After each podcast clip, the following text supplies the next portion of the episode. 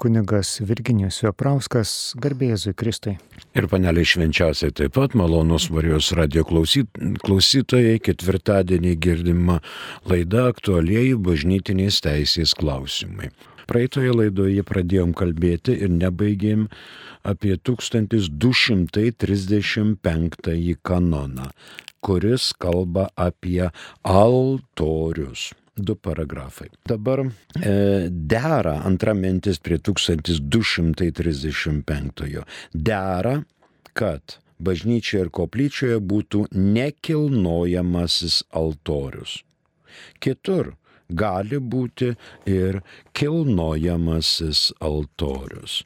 Mums į pagalbą ateina 1205 kanonas. Šventosios vietos yra tos, kurios skiriamos dieviškajam kultui arba tikinčiųjų laidojimui, dedikavimu ar palaiminimu, kurį nurodo liturginės knygos. Tai va dieviškajam kultui turi būti skirtas ne tik pastatas, bet ir altorius, ant kurio atnašaujama eucharistinė auka. Kitas 1217 kanonas. Tinkamai baigus statybą, nauja bažnyčia kaip galima greičiau turi būti dedikuota ar bent palaiminta, laikantis šventosios liturgijos įstatymų. Bažnyčios, ypač katedros ir parapinės bažnyčios turi būti dedikuojamos iškilmingomis apeigomis. Taigi ne šiaip paprastom, bet iškilmingom, kada dalyvauja daugiau tikinčiųjų. Altorius gali būti arba pašventintas, arba palaimintas. Bet vis tiek šitas turi būti atlikta pagal liturginės nuorodas. Rytų kanonuose 1235 atitikmens nėra fiksuojam. Pirmas paragrafas. Altorius arba stalas, ant kurio celebruojama Eucharistinė auka, vadinamas nekilnojamuoju, jei pastatytas taip, kad yra sujungtas su grindimis ir todėl negali būti nukeltas, o kilnojamuoju jai gali būti perkeltas. Antrasis paragrafas dera, kad kiekvienoje bažnyčioje būtų nekilnojamasis altorius, o kitose šventosiomis apieigoms skirtose vietose nekilnojamasis arba kilnojamasis altorius. Kitas 1236. Laikantis tradicinės bažnyčios praktikos, nekilnojamojo altoriaus mensa turi būti akmeninė ir tik iš vieno natūralaus akmens. Tačiau viskupų konferencijos sprendimu gali būti naudojama ir kita tinkama bei tvirta medžiaga. O kojos arba pagrindas gali būti padaryti iš bet kokios medžiagos. Antrasis paragrafas. Kilnojamasis altorius gali būti pagamintas iš bet kokios tvirtos medžiagos tinkamos liturginiam naudojimui. Taigi, mensa, tas stalo viršus, turi būti iš vientiso akmens. Visa kita pagal vietos vyskupų konferencijos nurodymus. Kilnojamas altorius iš tvirtos medžiagos. Kokia gali būti tvirta medžiaga? Akmuo, metalas, stiklas, medis. Jeigu kam yra tekę būti, žinoma, Briuselyje, tai centrinėje katedroje dešinėje pusėje yra koplyčia ir altoriaus mensa padaryta iš krištolo.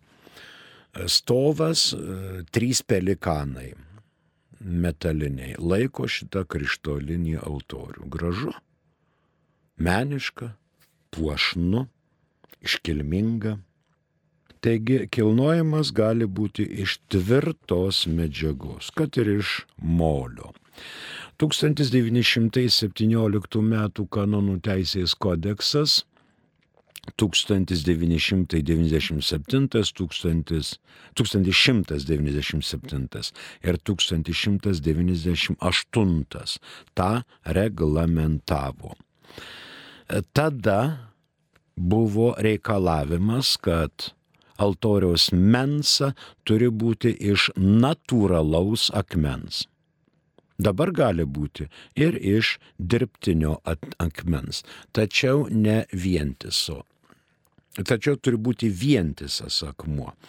E, tarkim, Marienburgo pilyje, kam teko būti, ten irgi yra buvusi katedra, kur šimtus metų didžiuosius magistrus konsekravo, vyskupus konsekravo ir ten yra mensa jau suskilusi. Ant tokios mensos jau negalima atnašauti šventųjų mišių aukos, reikia ant jos viršaus uždėti kitą mensą, jeigu tai atrodytų labai istoriškai iškilminga ir dera prisiminti tuos dalykus, kurie ten turėjo didžiulę istorinę vertę. Taigi dabar gali būti ir iš dirbtinio akmens mensa. E, stabilus vientisas stalas pagal vyskupų konferencijos nuorodas. E, dabar dėl relikvijų.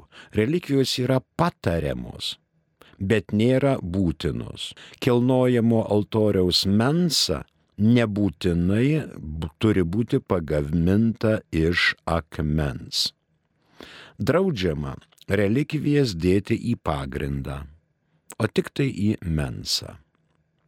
Reitų kanonuose 1236 nėra fiksuojam du paragrafai laikantis tradicinės bažnyčios praktikos, nekilnojomojo altoriaus mensa turi būti akmeninė ir tik iš vieno natūralaus akmens. Tačiau viskupų konferencijos sprendimu gali būti naudojama ir kita tinkama bei tvirta medžiaga. O kojos arba pagrindas gali būti padaryti iš bet kokios medžiagos. Antrasis paragrafas. Kilnojamasis altorius gali būti pagamintas iš bet kokios tvirtos medžiagos tinkamos liturginiam naudojimui. Kitas 1237 taip pat turi du paragrafus nekilnojamieji altoriai turi būti dedikuoti, o kilnojamieji dedikuoti ar palaiminti pagal liturginėse knygose nustatytas apeigas. Antrasis, laikantis liturginėse knygose nurodytų normų, turi būti išlaikyta senoji tradicija po nekilnojamuoju altoriumi sudėti kankinių ar kitų šventųjų relikvijas. Taigi, nekilnojamieji altoriai dedikuojami, kilnojamieji altoriai dedikuojami arba palaiminami tiek vienu, tiek kitu atveju visuomet pagal liturginių apieigų normas. Kas dedikuoja arba kas palaimina? Dedikuoja arba palaimina žinoma altorių vietos vyskupas. Gali tą daryti ir kiti vyskupai, pagalbininkai, auxiliarai, arba net vyskupas iš kitos vyskupijos, jeigu yra kviečiamas. Bet jeigu yra kokia nors būtinybė, gali vyskupas deleguoti ir kunigą. Altorius - Kristaus simbolis. Ir nepriskiriamas jokiam kankiniui arba šventajam. Negali būti šventos Onos altorius, švento Petro altorius. Altorius yra Kristaus simbolis. E, šalia altoriaus gali būti paveikslas Onos, Petro, Marijos, tai taip ir sakom prie Marijos altoriaus, bet altorius negali būti dedikuojamas kuriam nors šventajam arba palaimintas kažkokio, kaž, kurio nors kankinio arba šventojo vardu. Čia jau 83 metų kanonų teisės kodekso nuorodos. Altorius yra Kristaus simbolis, o ne žmogaus, ne kankinio, ne šventojo.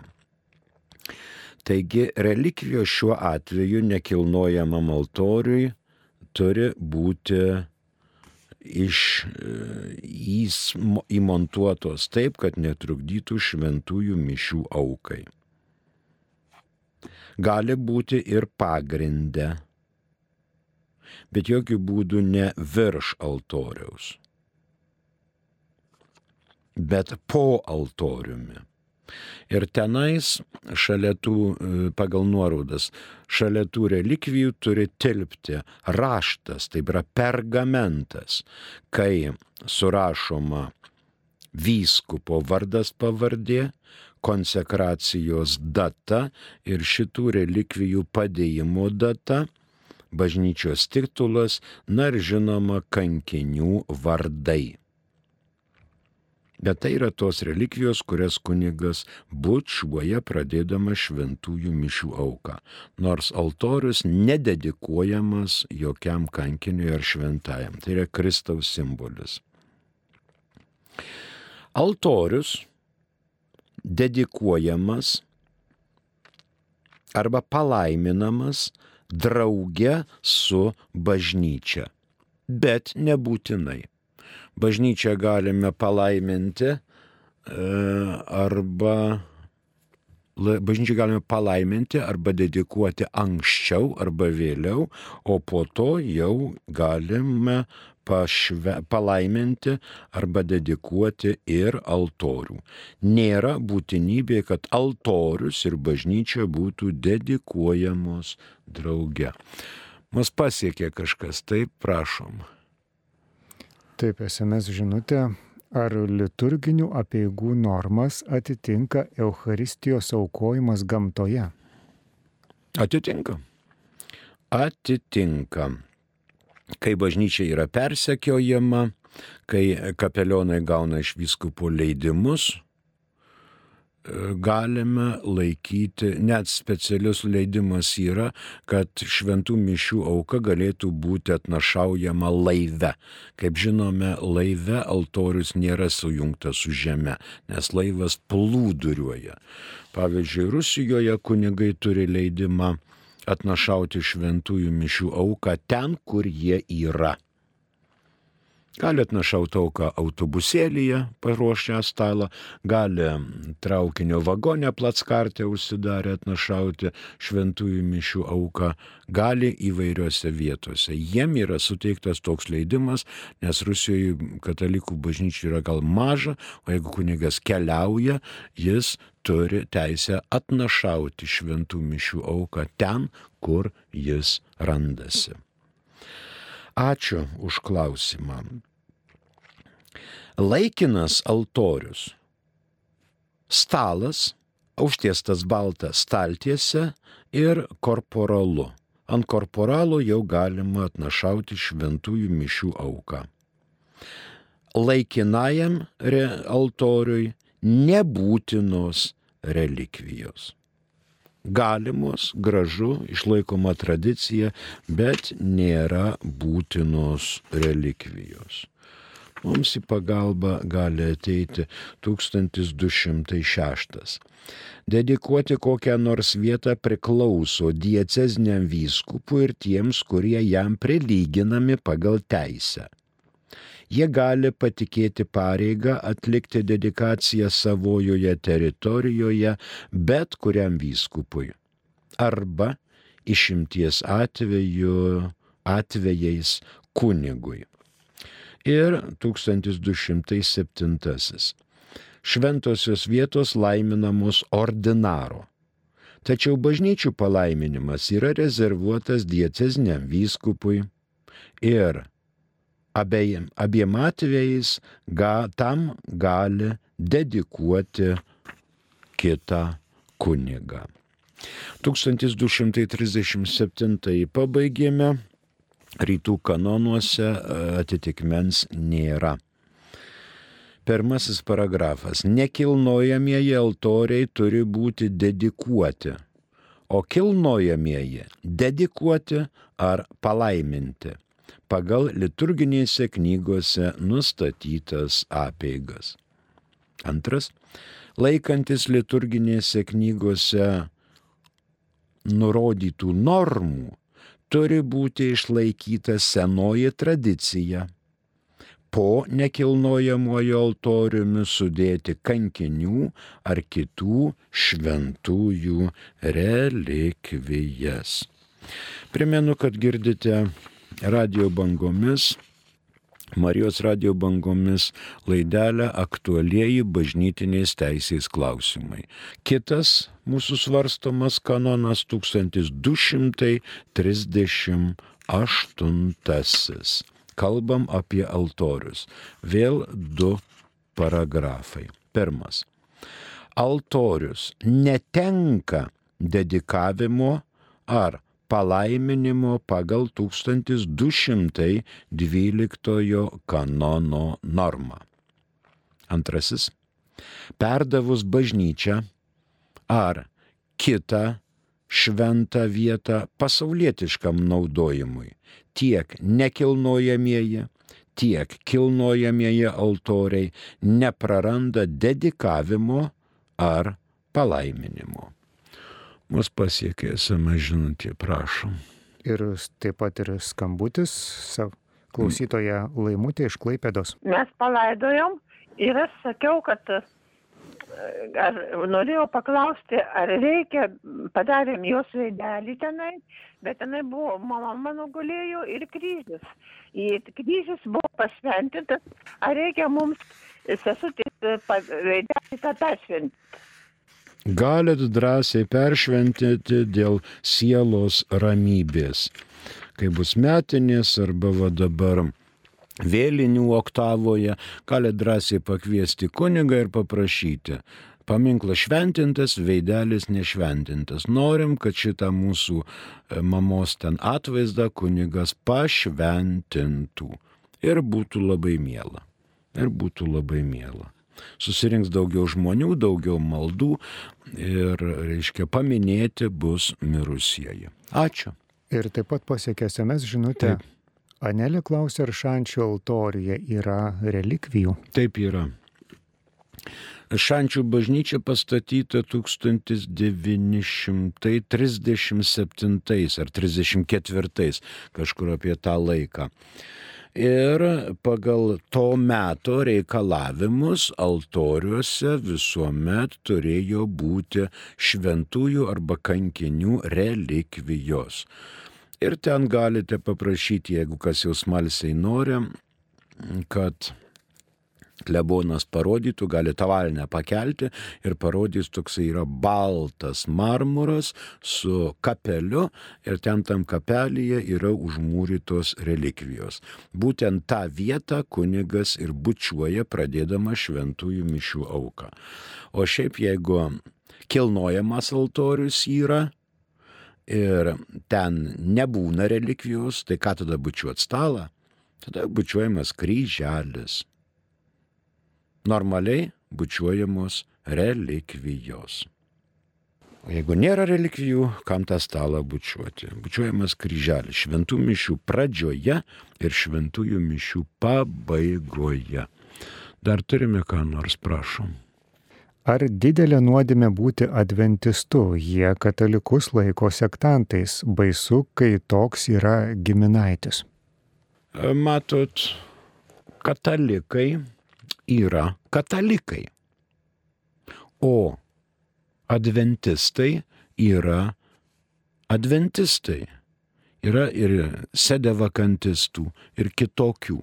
Tai jie išpažįsta kažką ir, išpažįst, ir neišpažįsta kažko. Dabar jeigu buvo katalikas ir tapo adventistų, tai jisai iškeitė tikėjimą ir patenka į cenzūrą.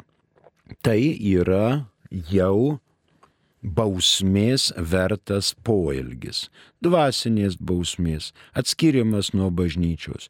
Ir norint grįžti į katalikų bažnyčią, jau reikia rašyti raštus, kodėl šitas blūdinimas arba pasitraukimas įvyko. Gal kas prikalbėjo, gal kas prišnekino, gal kas privertė dėl kažkokių priežasčių katalikui tapti adventistu. Bet jeigu adventistų šeimoje gimė vaikas ir buvo išauklėtas adventistu, tai kokia jam nuodėmė? Jis paveldėjo tikėjimą iš savo tėvų. Aišku, adventistai katalikus laiko sektantais. Šventas apaštalas Paulius, kaip minėjau, cituodamas Senąjį testamentą, irgi yra pareiškęs, kad prakeiktas kiekvienas, kuris kybo ant kryžiaus. Jėzus vaizduojamas kybantis ant kryžiaus. Ir katalikų bažnyčia jau 2000 metų nuo Kristaus laikų laiko save bažnyčia. Nors kiti rodo pirštų ir sako, tai va šitie sektantai. Sektantai. Tegu laiko. O mes radom tiesą Kristuje, jį liudijame mirusį ir prisikėlusį. Ir tai mūsų išganimo viltis. Mums dar paskambino, prašom. E, Valiai Šiaulių. Klausom jūsų. Gal galite pasakyti, kada būna žydų Velykos? Žydų Velykos būna tada, kada yra katalikų. Tada, kada ir katalikų Velykos. Nes Velykos yra neraugintos dieno, neraugintos duonos šventė ir pereimo šventė.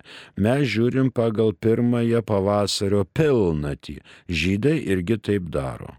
Žiūri, jie yra ankstesni, prisiminkite Evangeliją, kaip skaitoma kančios istorija. Buvo neraugintos duonos dienos ir Kristus buvo pakabintas, nužudytas ant kryžiaus medžio ir nenorėdami, kad kūnas liktų šeštadienį, o tas šeštadienis buvo e, šabas, žodžiu, turėjo nukabinti kūną ir palaidoti, kad nekybotų. Tai irgi tuo pačiu ir žydų Velykos. Ačiū už klausimus. Dabar 1212. Šventosios vietos netenka dedikavimo ar palaiminimo, jei buvo sugriauta didžioji jų dalis. Arba kompetitingo ordinaro dekretu, ar faktiškai buvo perleistos nuolatiniam pasaulietiškam naudojimui. Tai va, sunyko didžioji dalis. Nukrito dronas ir susprogdino. Nukrito bomba ir sprogo. Ir sunaikino didžiąją dalį. Arba atiduota vyskupo dekretu pasaulietiniam tikslams. Vyskupo dekreto gale. Jei bažnyčia arba viešoji koplyčia ar privati praranda dedikavimą ar palaiminimą, altorius nepraranda. Tai yra atskiras subjektėlis. Altorius nepraranda nei dedikavimo, nei palaiminimo. Ir jis gali būti perkeliamas kitur. Nebent vyskupo dekretas apie tai skelbia dėl e, desakralizacijos. Jeigu vyskupas nepasisakė, tokį altorių galima išimti nuo grindų arba dar ką nors padaryti su juo, kilnojama perkelti, gal kita bažnyčia laukia tokio, nes sunykus bažnyčiai altorius nedesakralizuojamas. Jei vėl yra būtinybė naudoti altorių, kuris buvo paskelbtas kaip desakralizuotas, vėl jo dedikavimas arba palaiminimas vykdomas pagal liturginėse knygose nurodytas, nurodytas nuorodas. Vėl iš naujo vyksta dedikavimas ar palaiminimas. Jeigu pavyzdžiui nekilnojamas altorius, ten trūko mensa arba subirėjo, sudegė, sugriuvo, paskui galima jį atitaisyti ir vėl dedikuojamas arba palaiminamas iš naujo.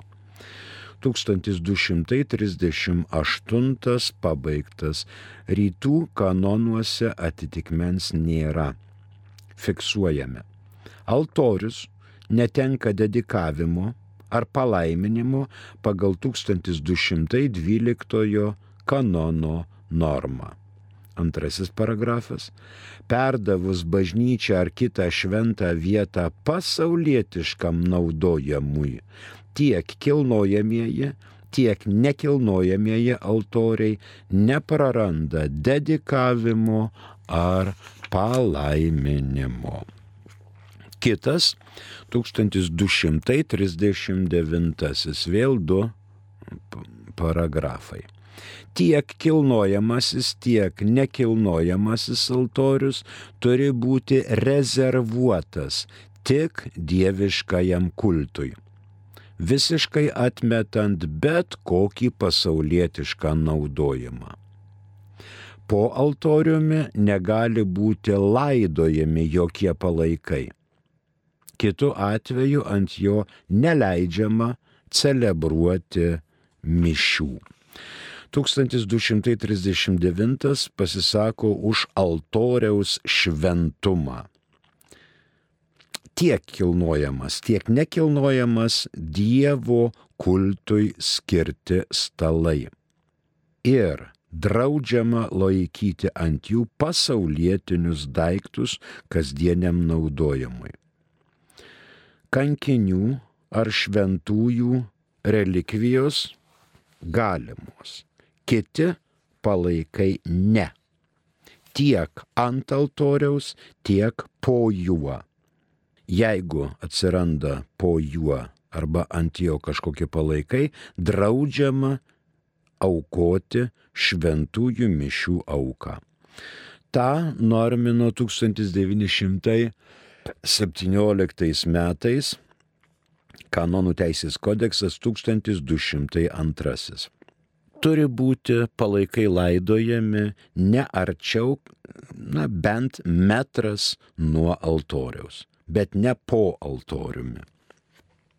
Dabar 1878 metais Liepos 27 dienos įsaku turi būti, tai yra, gali būti atskiros kriptos po altoriumi. Pavyzdžiui, Kaune yra altorius ir yra kripta po altoriumi, kur ir šventos sostų atstovas Faiduti palaidotas, ir arkivyskupas Kvireckas ir taip toliau. Karnolas Vincentas Latkevičius jau yra koplyčioje, bet atstu nuo altoriaus. Visi reikalavimai išlaikyti. Tai nuo 1878 metų mm, reika, pagal reikalavimus gali būti po altoriumi kripta ir kripta nepažeidžia ordinarų, vyskupų, kardinolų, arkivyskupų palaidojimo, mm, kaip palaidojimo vieta nepažeidžia altoriaus šventumo. Gali būti ta kripta tiesiai po altoriumi. Bet ne iš viršaus prie altoriaus ten arba po altorium palaidota, atskiroje kriptoje. Na tai ir 1239 atitikmens rytų apieigų kanonuose nėra, pasiaiškinome, fiksuojame. Du paragrafai. Tiek kilnojamasis, tiek nekilnojamasis altorius turi būti rezervuotas tik dieviškajam kultui, visiškai atmetant bet kokį pasaulietišką naudojimą. Po altoriumi negali būti laidojami jokie palaikai. Kitu atveju ant jo neleidžiama celebruoti mišių. Dabar toksai Dar gali būti klausimas, ar kryželis tinka ant altoriaus, ar žvakidės su žvakėmis dera, ar ten e, lentelės su kunigo maldomis dera, ar mišiola dera padėti ant altoriaus, ar kielika dera padėti, ar klebono akiniai tenais pasideda kartais. Visi šitie atributai yra suprantami kaip šventųjų mišių priedai kurie padeda kunigui celebruoti atperkamąją auką.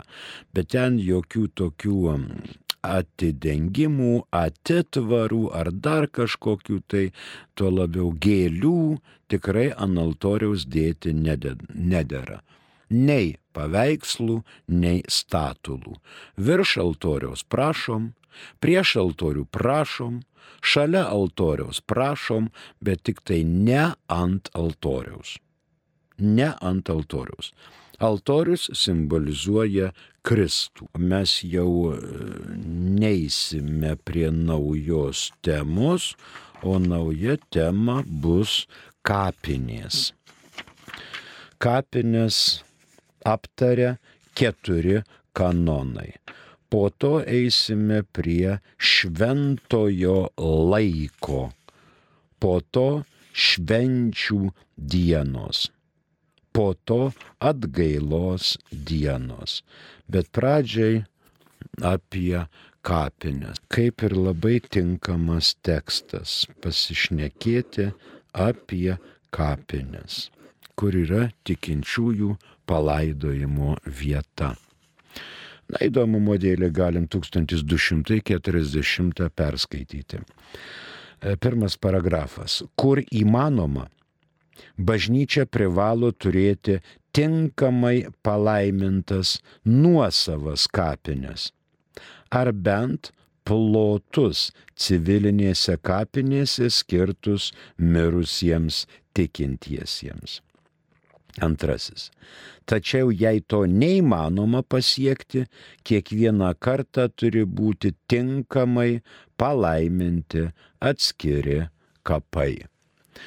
Čia matot, irgi ryšasi labai su civiliniam kapinėm. Gali civilinė valdžia leisti laidoti ten žirgelius, balandėlius, katytes, šuniukus, vėžliukus ir kitus dalykus.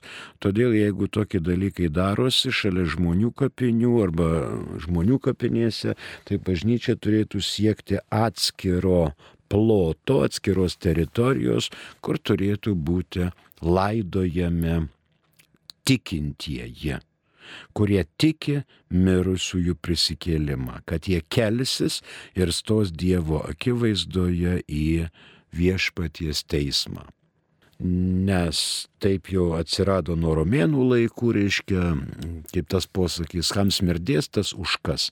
Krikščionys tiki, kad e, tikinčio žmogaus kūnas yra šventosios dvasios buveinė, nes buvo paženklintas sakramentais ir buvo naudojamas, žinoma, Eucharistinės duonos stiprinimasis ir tai yra ne šiaip kūnas, bet tikinčio žmogaus kūnas, kuris laikų pabaigoje prisikels iš pelenų, iš nebūties, kaip Ezekielio pranašystėje. Tai su to mintim aš ir atsisveikinu, prie mikrofono dirbo kunigas Virginijus Vaprauskas, ačiū ir sudė.